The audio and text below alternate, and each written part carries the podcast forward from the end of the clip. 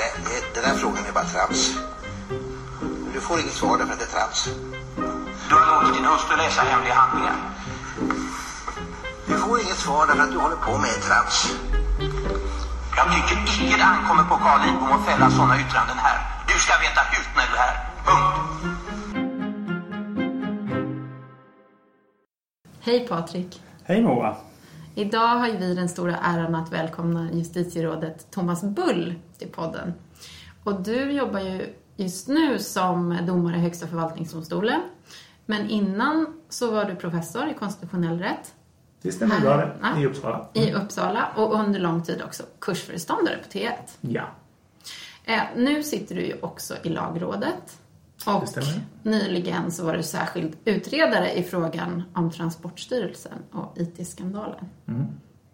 Vill du berätta något mer om dig själv som studenterna borde veta? Nej, inte mer än att jag har själv läst här i Uppsala och jag bor kvar i Uppsala så jag är väldigt Uppsala-baserad. Härligt att höra. Lokalpatriot. Lite så. Men ehm, med tanke på din bakgrund så finns det väldigt mycket som vi skulle kunna fråga dig om och prata om. Så att vi har haft svårt att veta var vi ska börja. Men en sak som vi undrar är ju vad man gör som justitieråd hela dagarna. Man läser och skriver.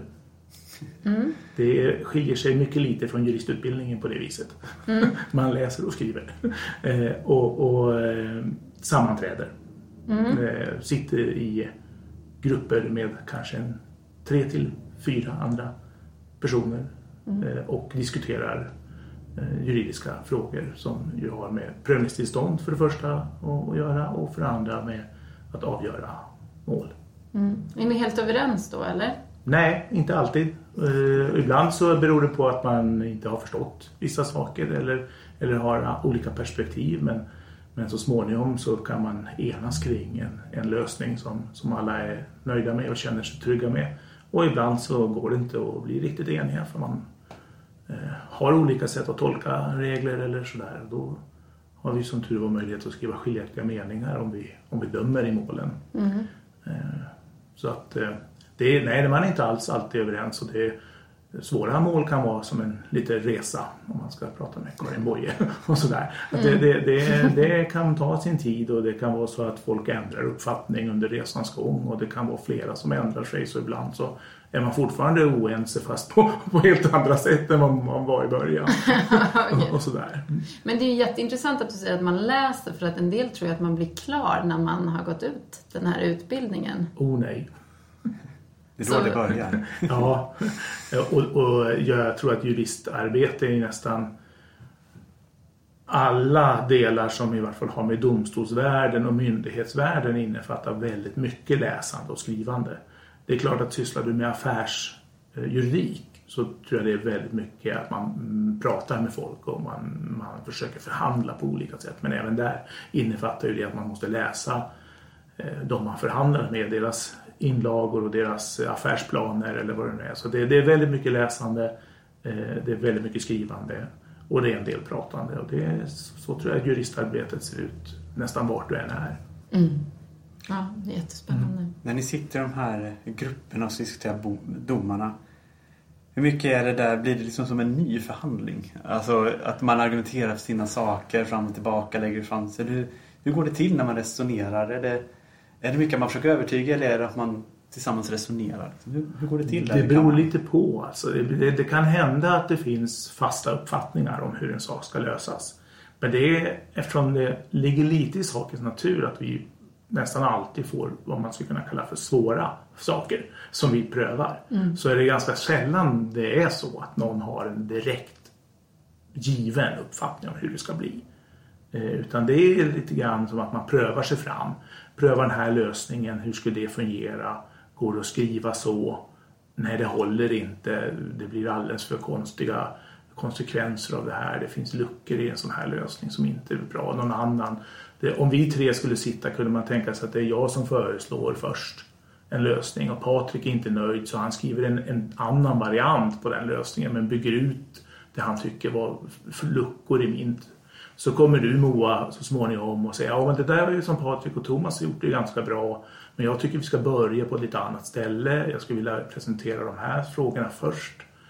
Och så jobbar man med en text kontinuerligt och ibland så går det här fort och alla liksom slutar med att du och jag förstår direkt att Moa har ju rätt. Det är så man ska närma sig frågan. Det blir den bästa lösningen.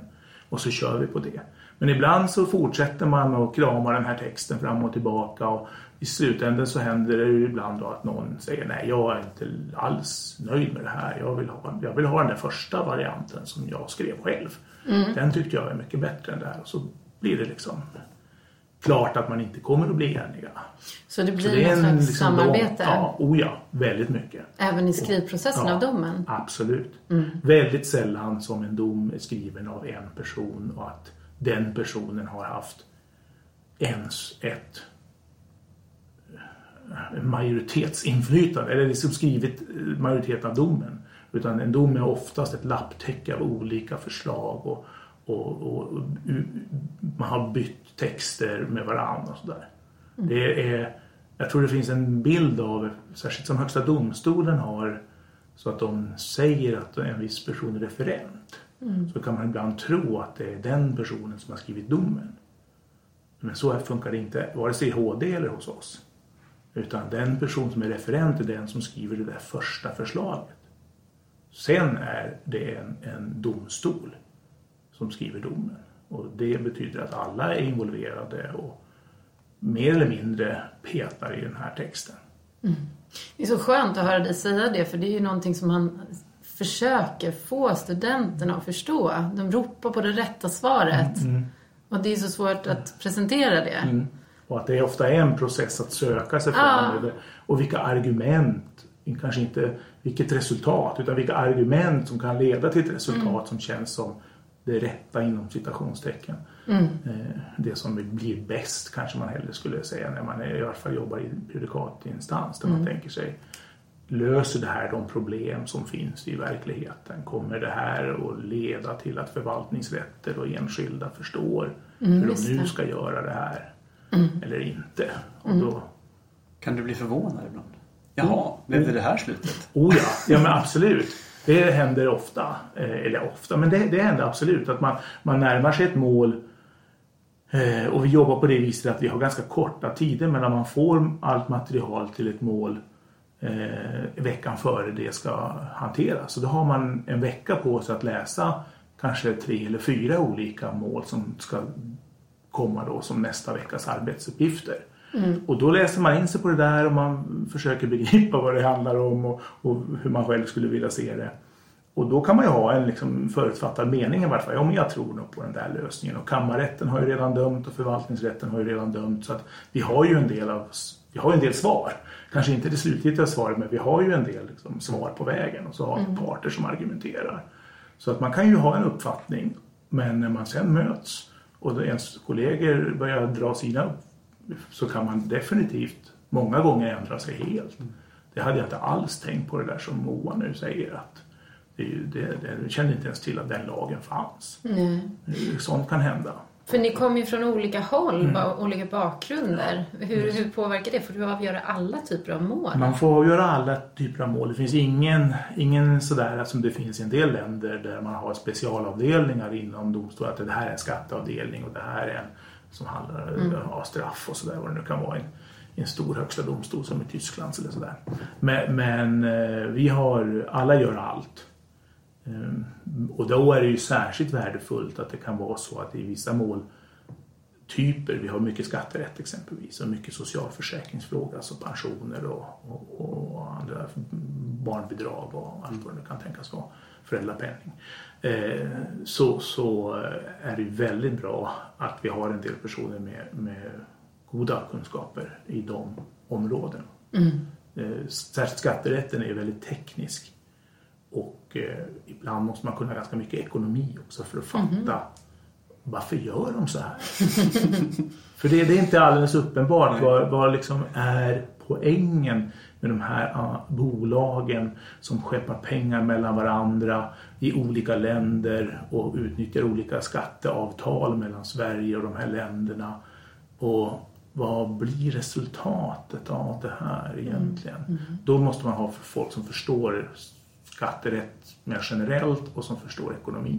Men ni är inga experter i de målen, eller?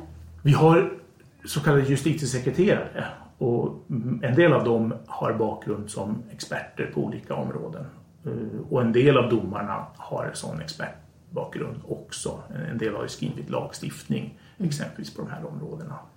Eh, Några har Lennart eh, Hamberg som gick i pension för ett och ett halvt år sedan. Han, han var liksom Mr Moms i Sverige under, under roligt. 20 års tid. Det var, Hade han skrivit den lagen han, hade tillämpade skrivit- då? Ja, han, han, och han hade varit med i alla de här momsdirektivens tillkomst på EU-nivå. Han kunde allt och det där. Så att, så att det, det, det, den typen av, av profiler har vi som tur var på en del områden. Men det är ju bra att du nämner EU för att vi blandar ju konstitutionell rätt och Europarätt på olika nivåer. Mm. Hur är det? Läser ni bara nationell rätt i Oh, domstolen? nej, vi har ganska mycket just på Högsta förvaltningsdomstolen så har vi ganska mycket unionsrättsliga frågor. Det är ju, offentlig upphandling är ju exempelvis ett stort rätt- rättsområde med dessutom mycket pengar. Eh, som eh, är ju helt unionsrättsligt styrt. Väldigt mycket frågor på livsmedelsområdet, eh, läkemedelsområdet, alla de här myndigheterna som fattar olika typer av beslut som kanske rör företag som vill sälja tobak eller de, vill göra, de måste ha tillstånd för det här. Det där finns det unionsrättslig reglering, man måste in i direktiven och kanske den svenska lagstiftning som har, har gjorts då liksom med och, och ibland måste man ända in i en hel del skatterättsliga mål som vi har dömt i eh, har gällt sånt som huruvida de svenska skattereglerna är diskriminerande. Därför att svenska företag gynnas i förhållande till, till eh, andra EU-länders företag i, i, Sverige om de agerar här. Och det har, det har vi ju några gånger under de gång- gångna åren funnit att, att det med stöd av fördraget alltså, eh, inte går att tillämpa svensk skatterätt. Så det, är- vi, vi har, det, överhuvudtaget tror jag förvaltningsdomstolarna och Högsta förvaltningsdomstolen sysslar med mycket mera unionsrätt än vad de allmänna domstolarna gör som ju huvudsakligen sysslar med brottmål och, och, och civilrättsliga tvister. Hur ofta hamnar ni i situationer ni vill begära förhandsavgörande? Det händer ganska sällan men vi begär väl kanske ett eller två sådär per år. Det beror lite på. Eh, Vår ambition är ju, och, och, och den tycker jag är rimlig, att, att vi försöker att lösa alla frågor som vi kan själva. Att man ska inte fråga bara för att det är kul att få fråga. Eh, det finns liksom ingen tävling i att fråga mest eller sådär utan ambitionen för att EU, det EU-rättsliga systemet ska fungera på ett vettigt sätt det är ju att de nationella domstolarna är tillräckligt bra på unionsrätt så att de känner liksom ett, en självförtroende att kunna avgöra mål. Eh, utan att, att fråga utan att använda EU-domstolens rättspraxis och, och liksom tillämpa den på de situationer som, som kommer här. Men ibland uppstår situationer där vi inte, inte klarar. Vi, vi skickade exempelvis ett mål om, om offentlig upphandling förra året eh, som, som bland annat gällde frågor som vad, vad är tågtrafik för någonting? det är mycket grundläggande frågor så, som, som dessutom visar sig att en brittisk domstol har, har, har frågat nästan exakt samma sak och det, det kom generaladvokatens yttrande tydligen här i, veckan och, så får vi se när vi får något svar. Men det är ju en, en dimension av det hela är så att det, det tar över ett år, eh, kanske uppåt två år att få det här svaret. Och då börjar så att säga saken om ibland. Eh, Så det är ju en väldigt eh, tidskrävande process att, fråga. Nu ställer jag inte frågan vad är tågtrafik? Det där. Det vet ingen. Men snart vet vi. Ja, härligt. Du sitter som sagt även i lagrådet. Eh, hur hamnar man där? Det gör man genom en relativt strikt ordning av senioritet bara i de olika domstolarna. Från både Högsta domstolen och Högsta förvaltningsdomstolen så ska i normalfallet två ledamöter tjänstgöra i lagrådet varje år i perioden september till september. Och eh, det bestäms någon gång på vårkanten vems tur det är nästa september till september. Och det går i ren senioritet. Eh, så att eh, det, man kan förutse om man vill någorlunda väl när det blir ens egen tur. För att man säger, okej okay, jag är nyast in i domstolen och nu tjänstgör X.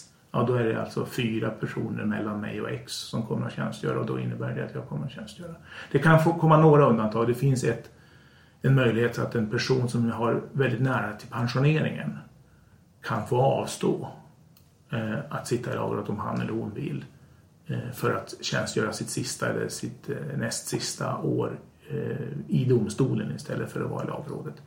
Det kan man tycka är rimligt om den personen mycket hellre dömer eh, och bidrar till domstolens verksamhet än att sitta i lagrådet som ju är en, en helt annan typ av funktion.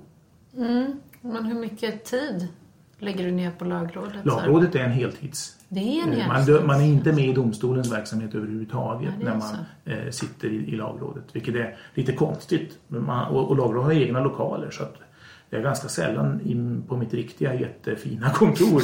Utan jag sitter i, i, i en eh, tak, eh, i kammarrätten i Stockholm där lagrådet har sina, sina, lokaler. Eh, och- ett eget litet kansli. Då är du på slutsträckan här nu då.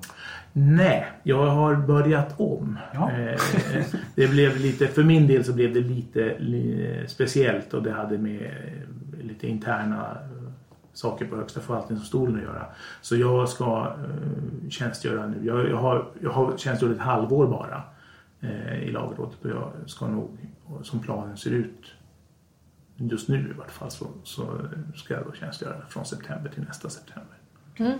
Så jag har egentligen precis börjat på en, så att säga, en sån här period. Ja. Är, du, ro- är det roligt? Är du glad för det? Jag tycker det är superkul, men det beror delvis på att jag aldrig har jobbat med lagstiftningsfrågor själv. Jag har inte varit i departementen som, som många jurister ju är och jag har inte heller själv i vart fall lett några sådana här äh, lagstiftningsutredningar som resulterar i förslag till ny lagstiftning. Utan jag, har, jag har ibland varit expert i sådana utredningar men jag har inte själv hållit i någon sån. Och eh, att se lite grann av lagstiftningsprocessen inifrån som det ändå är när man sitter med i lagrådet det är rätt så kul och intressant. Lagrådet var ju väldigt uppmärksammat, framförallt i våras, när de sa nej till flera politiskt kontroversiella förslag och politiskt uppmärksammade förslag. Mm. Eh, Hur kom det sig att Lagrådet hamnade mitt i där? Vad, vad var, är det Lagrådet som har blivit mer aktivt eller är det produkterna som kommer in som har blivit eh, så mycket sämre? Vad, för det var ganska hård kritik, framförallt mot migrationslagstiftningen. Ja, jag tror nog egentligen att det berodde mest på att det blev uppmärksamhet.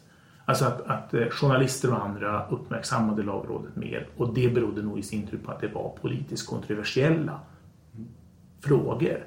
Och journalisterna hade upptäckt att lagrådet skriver ju grejer här som, som man kan använda när man vill liksom belysa den här debatten och frågor kring det. Och man kan ställa svåra frågor till, till statsråd och sådär med, med hjälp av de här yttrandena. Så jag tror för egen del nog att det inte är så att lagrådet har blivit mycket strängare eller så att säga har blivit eh, formulerat sig helt annorlunda. Nu kanske jag inte har något jättebra exempel men kommer ni ihåg när man införde gränskontrollerna 2015? Det är bara tre år sedan nu. Eh, Då skrev lagrådet någonting som ju i princip var en fullständig det sågning jag. utav, utav eh, den regeringens förslag. Eh, Och, Det var den som gick så väldigt fort. Ja, det gick väldigt fort också och, och innefattade ju flera problem och gäller kanske både EU-rätt och mänskliga rättigheter och en del andra saker. Som, som ju, och, och jag tror att om man tittar tillbaka i tiden så kommer man nog hitta ett eller två eller tre sådana där yttranden nästan varje år och i vart fall varje mandatperiod eh, som en regering har fått ordentligt med kritik för. Eh, och eh, Vad skillnaden nu då att regeringen gick vidare ändå? För van, bilden man har är att man oftast justerar sig utifrån. Om lagrådet är sådär hårda så, så justerar de sig. Men här, här gick det egentligen, det tog två dagar tror jag från det att lagrådsyttrandet kom till att proppen då i riksdagen. Eh, Nej, jag, jag, för egen del tror jag inte att det heller är någon större skillnad det, faktiskt. Det var, eh, jag hörde i något sammanhang Morgan Johansson svara på någon sån här fråga ungefär liknande om varför, varför går ni vidare nu då när, när ni får så hård kritik. Och han svarade då skickligt om än kanske något eh, retoriskt oschysst att ja, men du vet lagrådet, de var ju emot både införandet av kvinnlig rösträtt och avskaffandet av dödsstraffet. Så att eh, ibland gör vi ju inte som lagrådet säger. Han antydde att det fanns en politisk vilja hos lagrådet helt enkelt. Nej, jag tror han mer antyder bara att lagrådet har sina uppfattningar. Eh, och ibland måste politiken ha en annan uppfattning. Att eh, man har en man har en politisk vilja eh, och då finns det de här institutionerna kanske kan vara. Och det är ju en del som kanske, det kanske ligger lite i juridikens roll jag säga, att vara lite konservativ, lite försiktig eh, och sådär. Och att det kan eh, vara lite svårt att förena med en del samhällsförändrande saker. Och eh, jurister säger kan vi inte utreda lite mer? Är, är det här verkligen en lösning som är den bästa? Och ibland kan politiken kanske inte vänta på det, känner de. Eh, om de sen har rätt eller fel i det, det är, det är någonting som bara efter världen kan bestämma. Men, men eh, jag tror inte det, han, han menar att lagrådet var politiska utan snarare att de var för försiktiga och för konservativa och att man kan inte vänta på den här typen av... Vi, vi, politiker måste gå före ibland helt enkelt. Och Vad det- tycker det du om det då? Borde Nej, man lyssna mer på lagrådet? För det har en ganska stor betydelse för juristernas röst i den här processen. Det är, den frågan brukar ibland formuleras som borde lagrådet ha en vetorätt? Eh, och, och det tycker jag definitivt att man inte borde ha. Eh, det tror jag inte vore bra. Varför? Det skulle, tror jag, nästan ofrånkomligen politisera lagrådet. Alltså att politiker skulle verkligen då kunna känna att varför sitter de och säger nej? Eh, det skulle kunna misstänkliggöra liksom, motiven bakom yttranden på ett sätt som jag inte eh, tror skulle vara bra för, för diskussionen. Det är bättre om lagrådets yttranden är, de är ett råd, eh, de går att läsa öppet, du kan diskutera dem i en fri debatt. Och tycker att lagrådet har fel så kan du anföra de argument som du gör. Och det gör ju regeringen ofta i sina propositioner att de bemöter eh, lagrådets invändningar. Och ibland är det ju den typen av invändningar att man från lagrådshåll kan bara säga att ja men det var ju bra. Att de, eh, de, för, de gjorde en noggrannare analys, de tog fram bättre argument. Helt plötsligt så, så ser ju produkten mycket mer övertygande ut än vad den gjorde när vi fick förslaget. Ibland kan man ju tycka att nej, vi, jag tycker fortfarande det här problemet är kvar, men de, de går vidare ändå. Mm och då gör de ju politiska bedömningar och det är ju vad politiker ska göra. Så, så jag tycker nog att eh, det nuvarande systemet gör att det är ganska, det är ganska lätt att liksom se att man kan hålla sig på sin kant. Eh, och, och vi som sitter i lagrådet kan skriva yttranden som baseras på just juridiska och, och ändamålsenliga överväganden. Kommer det här att fungera? Finns det oklarheter? Finns det konflikter med andra normer? Utan att eh, det behöver liksom bli partipolitik. Mm, jag förstår. En, en koppling som ofta görs är ju att om lagrådet är väldigt, väldigt kritiska mot en viss konstruktion så kan det komma igen och bita en i rumpan i tillämpningen sen. Ja. Vilket vi kan vissa se med gymnasielagen som det kallas. Där domstolar har underkänt lagberedningen till exempel. Att det är tillräckligt för att underkänna lag, lagen som sådan. Hur mycket tänker man så i lagrådet? Så här, Finns det med liksom att ja men okej, men vi kan ta det här sen? Nej, det Förstår tänker Att det man finns inte. i bakhuvudet att det finns en skyddsventil till. Nej, det tror jag inte vi tänker på alls. Faktiskt. Det kan jag inte i vart fall säga att jag har varit med om själv, att man har tänkt så. Att, eh, men men det, det finns ju som en faktor för regeringen. Att de, när de får ett väldigt kritiskt lagrådsyttrande så måste de ju hantera det på något sätt. Som gör att en sån där, som du säger, en efterhandsprövning i domstol eh, inte eh, går emot dem. eh, på, på de här grunderna. Eh, och, och det, så det ställer ju krav på regeringskansliet, och både tjänstemännen och politikerna där, att, att då vara ambitiösa och, och täcka upp för de brister som lagrådet har pekat på. Och gör man inte det, ja då finns ju en sån. Men det, så så det, det är fortfarande så att eh, man, vi, vi skriver liksom utifrån det som vi anser vara de brister man hittar. Och det kan vara högt och lågt. Det kan vara allt från små saker som gäller liksom text formuler, språkliga formuleringar till går det här att förena med EU-rättens krav eller sånt där. Och eh, sen är det en fråga för regeringen att hantera det nästa led. Är det så att de domare som sitter och skriver lagrådsyttrandet inte får, om det skulle komma upp i andra änden? Finns det någon sån policy, så att säga? Nej, det har, det, men jag skulle tänka mig, jag har faktiskt aldrig varit med om att det, ska hända, att det har hänt. För den är ju Men- på väg men- upp nu, Ja. gymnasielagen till exempel. Det, det, det kan man ju tänka sig att, det skulle, att man skulle jäva ut sig helt enkelt. För att jag kan inte sitta här och döma i en fråga som jag redan har yttrat mig över som, som lagrådsledamot. Eh, Och där skrivit någonting. Nu ska man dock vara medveten om att lagrådet ganska sällan skriver som man gör i domstol. Eh, det, det, till och med de här ganska kritiska eh, yttrandena under våren var ju sånt att nu får man anse att gränsen är nådd för hur illa en beredning får, får vara. Eh, gör det att man inte kan pröva beredningskravet i en senare process när det ju efter lagrådsyttrandet har tillkommit ytterligare beredning. Regeringen fortsätter ju bereda ärendet efter lagrådsyttrandet. Det är inte säkert att man skulle säga att man är helt diskvalificerad för det. Men det är möjligt att man av liksom lite delikatessjävsliknande skulle säga att då, då deltar jag inte i det avgörandet. Men jag har aldrig varit med om att den situationen har, har kommit upp. Ja. Det skulle, men det är möjligt som sagt var att just eh, gymnasielagen. Har du någon mer följdfråga på det? Annars har jag en väldigt konkret fråga. Kör det.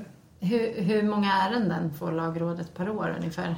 Oh, Vet du det? Det är svårt att svara. 15 eller 100? Oj, oj, oj, ja, det, då kan jag svara. Det är mer än 100. I år så slog vi världsrekord, vet jag, i perioden januari till sista mars, i första kvartalet.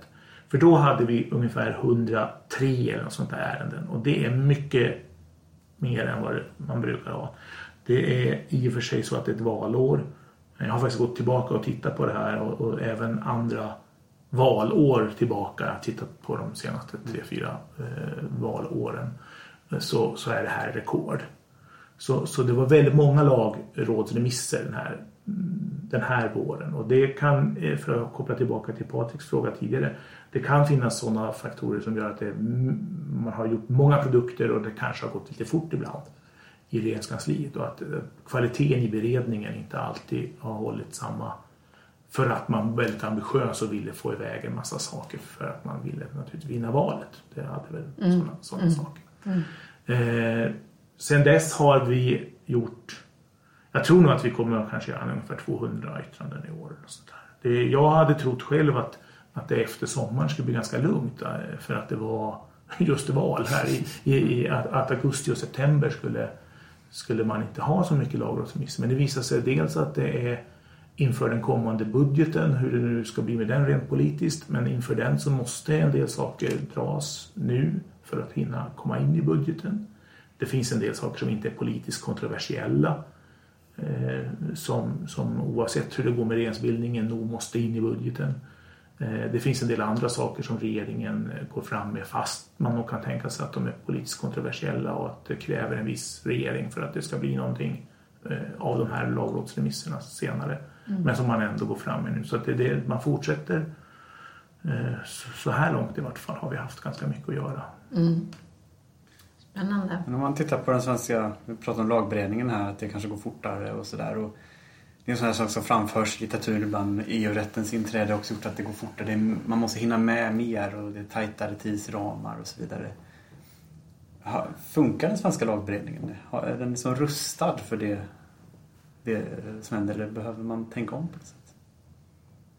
Jag tror att den funkar i och för sig, men det, det som vi ser ibland från lagrådets horisont, det är ju att, att de här kraven, framförallt i internationella sammanhang, det kan vara EU men det kan också vara andra.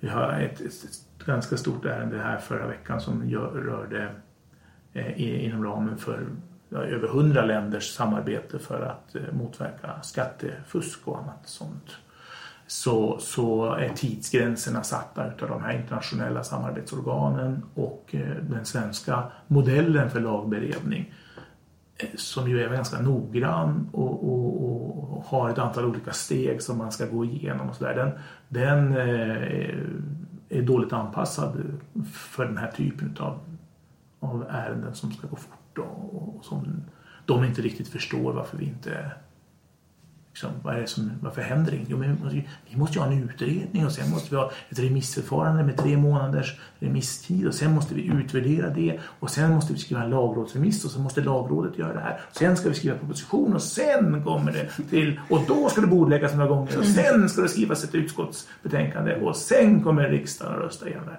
Herregud, i Storbritannien, i Storbritannien lagstiftar vi på två veckor. Det är klart. Vad är grejen? Så, så där har man väl liksom både ett pedagogiskt problem mot sina samarbetspartners mm. eh, men också eh, ett, ett, problem med att internt och, och externt våga stå upp för att nej, vi tänker inte ha bråttom. Mm. Eh, vi, men då kommer sådana där som den elaka Europeiska kommissionen. Alltså Europa, eh, då, då, kommer kommissionen och, och säger ni är långsamma, vi kanske riskerar böter. Mm. Det kan hända. Så, så, det här är ju ganska svårt antagligen för regeringskansliet. Mm. Från lagrådets horisont säger vi ganska ofta att det är inte bra att man kompromissar med svensk författningstexts kvalitet. Eh, utifrån att man anser att man inte hinner eller kan hitta bra sätt att implementera direktiv exempelvis. Det, sker, det ser vi ganska ofta mm. att man, man lägger sig exempelvis vad man kallar för direktivnära implementering. Mm. Det betyder att man egentligen bara skriver av den svenska översättningen till okay. en svensk lag. Då får man en svensk lagstiftning som ser ut precis som en EU-rättsakt. Mm. Med, nu ska jag vara lite försiktig här kanske, men det, det, är ofta ganska dåliga lagtexter uppriktigt sagt. Mm. Eh, de är svårtillämpade, de innehåller begrepp som en svensk jurist inte riktigt förstår vad de betyder. Eh, de är kausistiskt utformade i den, det är långa listor med saker och ting och man begriper inte alltid hur det här förhåller sig till varandra. Eh, de har en helt annan lagstiftningsteknik och den är i vissa avseenden, tycker nog vi i Sverige i vart fall, sämre än den, den som vi använder här. Och det är olyckligt ibland. Sverige lyfter gärna fram. Vi har ju hög kvalitet på våra förarbeten. Väldigt så som pass att de till och med räknas som en del av lagen. Eh, när man får om lagkrav. Eh, och vi har väl utarbetad lagtext. Å andra sidan så är lagtexten kanske lite mindre tillgänglig på ett sätt än andra länder som skriver längre, mer mm. utförliga förklarande lagtexter eftersom deras förarbeten då inte håller samma kvalitet. Handlar det mer om en kulturfråga än om att vi är bäst? Det, det, är definitivt en kulturfråga, det är det ju. Men, men jag tror att det det sättet att lagstifta som man bland annat har inom EU och, och i många andra länder, Storbritannien är ett, ett, ett, exempel också, man kan se hur de har mycket omfattande lagtexter mm. eh, som, som så att säga räknar upp alla typer utav fall som tänker sig. Det är nästan lite som under medeltiden. Den som kastar en sten över ett hus som ramlar på någons huvud, böter sju mm. spänn. Man kastar en sten över ett hus och den ramlar bara på någons axel, mm. och då är det böter ut två spänn. Och så är det liksom, man får reda på exakt hur man ska göra i varje situation. Och det leder ju naturligtvis till någon sorts klarhet och någon sorts eh, förutsebarhet som är bra. Men det leder också till otroligt omfattande lagtexter som i sig gör att lagarna blir svårtillgängliga, svårbegripliga och så leder det också till fel. Alltså det, olika regler stämmer inte med varandra efter ett tag. Mm. Därför att lagstiftaren själv klarar inte av att liksom, samordna det här. Nej. Och då står praktikerna eh, inför ganska stora problem många gånger. Därför att lagreglerna går inte ihop med varandra Nej. längre. Eh, och, och, då mm, så tänker vi väl i Sverige att vårt sätt att lagstifta är överlägset. Vi försöker hitta mer generella normer, eh, precisera det i straffrätt och andra områden där det är väldigt viktigt med förutsebarhet. Men på andra områden kan man klara sig med mer generella normer, stark tilltro till myndigheterna, inte minst. Alltså att myndigheter som Skatteverket och länsstyrelser och andra förmår tolka en lagtext. Och sen som du är inne på Patrik här med, med förarbetenas liksom, vägledande roll. Mm. Men, men det, där finns det också en, en, konstitutionell invändning som en del länder skulle tycka var, var viktig och det är att det på något sätt är domarens självständighet eh, mm. som, som man eh, naggar i kanten genom de här förarbetena. Eh, ska man verkligen följa förarbeten? Det är ju inte en lag. Så, så, så det finns också, inte bara kulturella utan också principiella invändningar mot det. Men är det inte också en effekt av de engelska lagtexterna som är så detaljerade? Det är väl också sätt att begränsa domstolarnas frihet Absolut. eftersom de inte har något annat att förhålla sig till på samma Nej. sätt. Så blir det den effekten istället. Nej, så är det ju. Eh, Så man Och- har olika sätt att komma åt samma Och, problem. och, jag tror också att det handlar om en sorts... Det svenska sättet att skriva, och det gäller ju många, de andra ska- skandinaviska länderna har ju liknande lagstiftningstekniker. Handlar det också i rätt hög utsträckning tror jag om att Eh, det finns ett visst förtroende mellan den lagstiftande makten och den dömande. Alltså mm, lagstiftaren litar på att domstolarna inte använder sig av det här utrymmet på något tokigt sätt eller, eller, eller driver egna agendor. Men i ett land där man inte litar på sina domare, eh, kanske för att de uppfattas som eh, tillhörande en viss del av samhällsskikten och, så vidare, då, då vill man ha exakta regler som man vet exakt vad de gör. Eh, Så att den, vår lagstiftningsteknik tror jag också har att göra med att man i vart fall av tradition har haft ganska stor tilltro till våra domstolar. Det är så mycket av det du säger som kopplar till hela vår kurs. Nu kommer ju seminarierna om lagstiftningsprocessen och domarnas självständighet. Det är ju, Även den komparativa rätten. den komparativa rätten är ju rätten och eh, något mer jag tänkte på var ju hur man förhåller sig till rättskällor och förarbetenas värde. Så, ja, det finns så mycket intressant. Jag tänkte på en annan fråga som är kopplad till de seminarier som vi redan haft när de pratat demokrati och, och, och eh, olika typer av kontroll och de har fått skapa en egen konstitution Wow. ett skelett till det.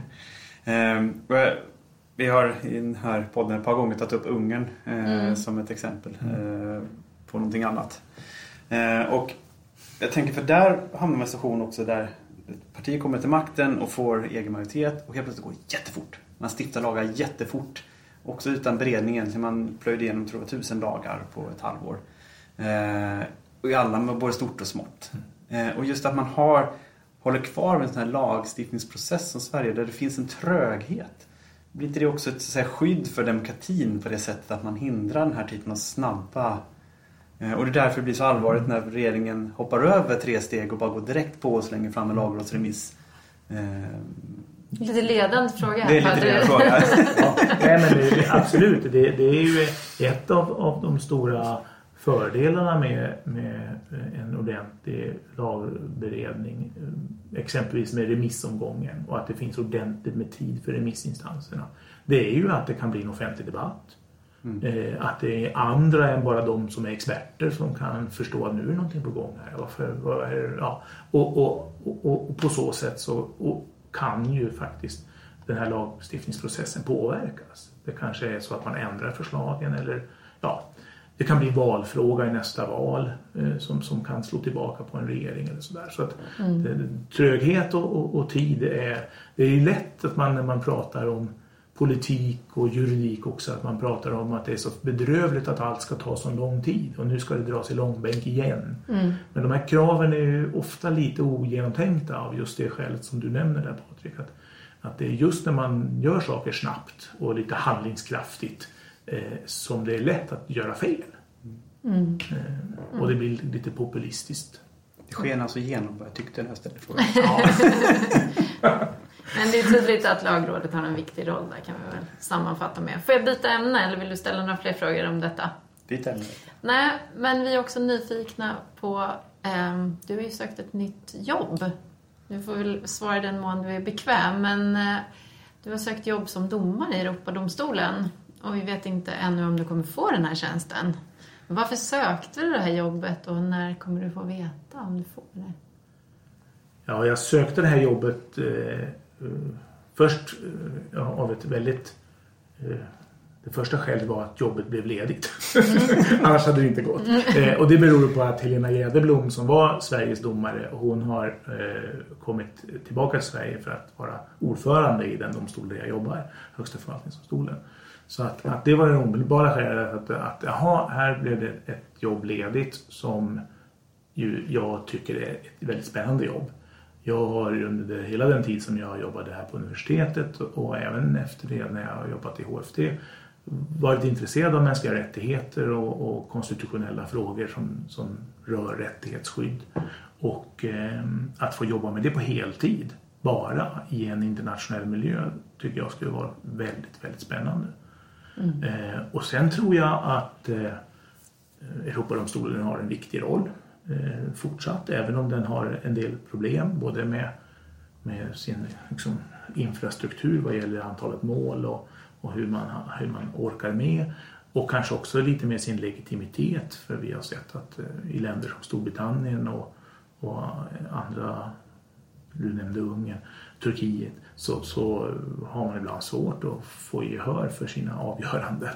Därför att regeringar och andra inte tycker att eh, man måste följa Europadomstolens avgörande. Just det, det är också en seminariefråga Ja. senare, eller hur? hur? Hur man får länderna att rätta sig Ja, efter de precis. domarna. Ja, men, men hur avgörs det då om du kommer få det här jobbet eller inte? Det avgörs av eh, Europarådets parlamentariska församling som alltså är en grupp eh, riksdagsledamöter från alla länder som är med i Europarådet och de är väl 47 tror jag. Eller så. Och eh, exakt hur den där parlamentariska församlingen är sammansatt det, det vet jag inte men det är i grund och botten är det alltså så att ja, de röstar om eh, de kandidater som ett land eh, presenterar. Och varje, var, när det blir en domartjänst ledig så ska eh, det landet presentera tre kandidater till den tjänsten. Eh, Och sen väljs en av dem utav den här parlamentariska församlingen. Och du är en av dessa tre kandidater? Det är jag, för i Sverige har vi haft det här ut, urvals eh, eh, proceduren så att, att jag är en av tre som Sverige har föreslagit. Eh, och i december kommer det antagligen att hållas intervjuer nere i Strasbourg eh, eller någon annanstans där Europarådet har något kontor. Och eh, sen så troligen i januari så ska den här omröstningen ske. Så det är lite speciellt utnämningsförfarande och det är svårt att förutse hur de här ja, riksdagsledamöterna från olika länder kommer att och liksom rösta och vad de tycker är viktiga frågor. Men du som är så Uppsala-baserad som du sa inledningsvis, kommer du bli tvungen att flytta då? Ja, det måste man. Eh, Det är ju, som, som utgångspunkt så är det ett jobb som man tar i nio år och det är ett heltidsjobb som man måste i, i princip bo i Strasbourg de här åren. Spännande. Hoppas att du får det. Tackar, ja det gör jag också. Du har haft väldigt många olika roller som, som eh, jurist. Du har varit professor här, du har suttit i Högsta förvaltningsdomstolen, sitter i Högsta förvaltningsdomstolen, sitter i lagrådet och, och blickar framåt eventuellt mot eh, ännu en eh, typ av domartjänst.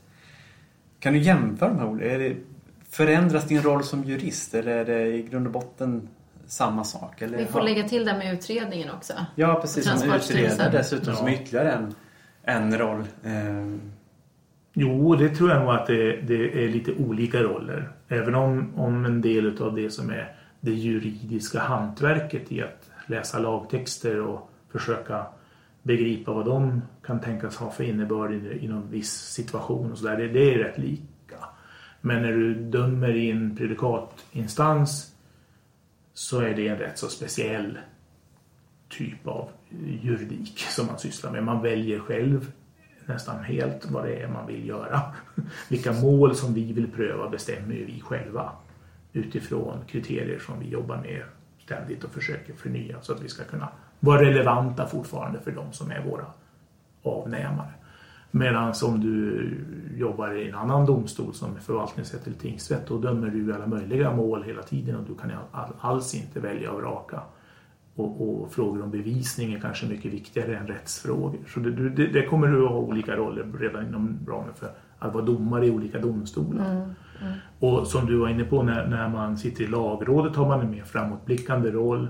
Man behöver inte skriva på det sätt som man måste göra när man eh, skriver en dom i, i högsta instans. Då, då ska man ju ändå försöka lägga fast vad som gäller och hur, hur man ska se på en viss fråga. När I lagrådet kan det ju vara helt okej att bara ställa frågor.